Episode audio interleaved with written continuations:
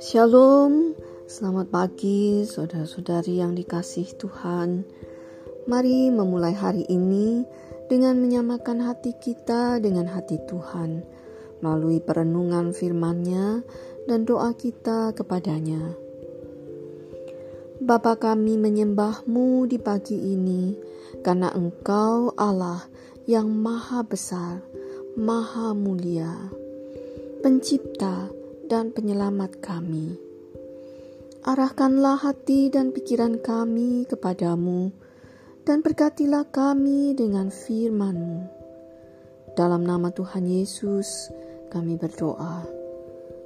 Amin. Firman Tuhan pagi ini kita renungkan dari Maleaki pasal 1. Nabi Maleaki adalah seorang nabi yang diutus Tuhan untuk menyampaikan firman Tuhan kepada bangsa Israel yang kembali dari pembuangan. Dari negeri-negeri di wilayah kekuasaan Raja Kores yang memerintahkan bangsa Israel pulang jika mereka mau pulang ke tanah asal mereka dan membangun bait Allah untuk kembali beribadah kepada Tuhan. Tuhan sudah menunjukkan kasih setianya kepada umat pilihannya ini. Bagaimana tidak, bangsa Israel tidak perlu berperang untuk bisa merdeka. Mereka tidak perlu berjuang untuk bisa kembali menduduki tanah asal mereka. Bahkan mereka tidak perlu membuat lagi peralatan untuk bait suci tempat ibadah mereka, karena peralatan yang diambil semua oleh Raja Nebukadnezar dikembalikan kepada bangsa Israel oleh Raja Kores. Bangsa Israel bisa kembali sebagai bangsa yang terhormat, bukan lagi budak di negeri orang. Kurang baik bagaimana Tuhan ini? Coba saudara-saudara renungkan kemahabaikan dan kemahabesaran Tuhan. Tetapi dari teguran firman Tuhan yang disampaikan Nabi Maliaki, bangsa Israel benar-benar tidak tahu berterima kasih dan bahkan kurang ajar kepada Tuhan. Mereka mempersembahkan persembahan yang tidak pantas untuk Tuhan, sama sekali tidak pantas, bahkan tidak boleh diberikan untuk Raja semesta alam, dan dilarang keras untuk Allah yang Maha Kudus. Persembahan mereka berupa binatang-binatang yang cacat binatang buta, timpang, atau sakit. Binatang yang tidak laku dijual. Binatang yang mereka sendiri tidak mau makan karena sakit. Daripada mereka rugi karena binatang itu, maka mereka jadikan persembahan kepada Tuhan. Mereka juga membawa roti yang cemar, roti yang beragi dan sudah tidak baik untuk dimakan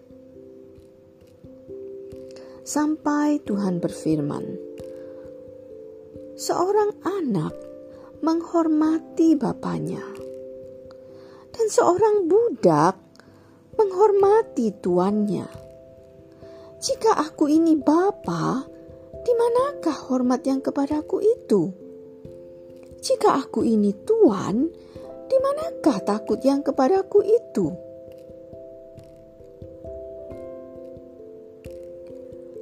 Saudara-saudari, sikap kita kepada Tuhan nampak dalam persembahan yang kita berikan kepada Tuhan. Jika hati kita penuh dengan syukur, maka kita akan mempersembahkan yang terbaik. tanpa perlu diberi aturan-aturan oleh Tuhan. Persembahan itu harus yang bagus. Jangan yang kita sudah tidak mau atau yang sisa dari yang sudah kita pakai dulu untuk diri kita sendiri. Tidak perlu disuruh-suruh, tidak perlu didorong-dorong untuk memberikan persembahan kepada Tuhan. Dengan semangat, kita akan menyisihkan dulu untuk Tuhan tanpa merasa sayang bahwa itu akan diberikan untuk Tuhan. Marilah saudara-saudari mengecek hati saudara-saudari. Apakah Tuhan itu saudara-saudari rasakan sangat baik? Cukup baik? Ataukah tidak baik?